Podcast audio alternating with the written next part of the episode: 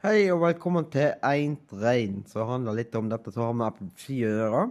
Jeg eh, heter som jeg har sagt Rune Vassvik og har hatt epilepsi siden jeg var seks år gammel. Jeg fikk en svulst godartet svulst på hjernen som førte til at jeg fikk epilepsi og epilepsianfall.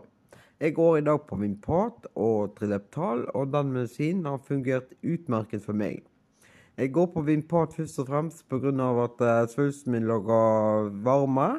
Og uh, den gir meg litt svimmel i. Et sånt som mange bivirkninger gjør med epilepsimedisin. Eh, og, og, når man blir svimmel av ør, så er det ofte at man legger seg nedpå litt og slapper av. Eh, det gjør ofte jeg.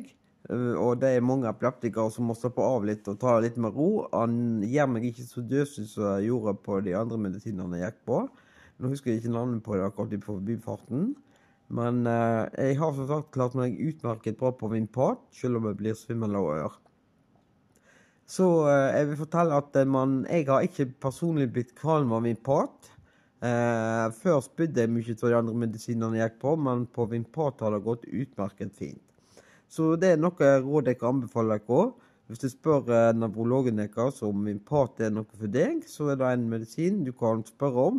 Men eh, særlig har Trileptal gått fint for meg, og det er vel den medisinen jeg vil anbefale til mest, uh, mest, mest av alt til de som er epileptikere. Det er Trileptal. Og den uh, tror jeg mesteparten går på. Det er vanskelig å lage epilepsimedisin. Men mange epileptikere forlanger mer og mer nå at det skal komme epilepsimedisiner på mark, flere epilepsi, epilepsimedisiner på markedet. Og det er ikke lett å lage sånne medisiner, så vi får bare holde krysse fingrene på at dette går bra, og at de får laga nye epilepsimedisiner.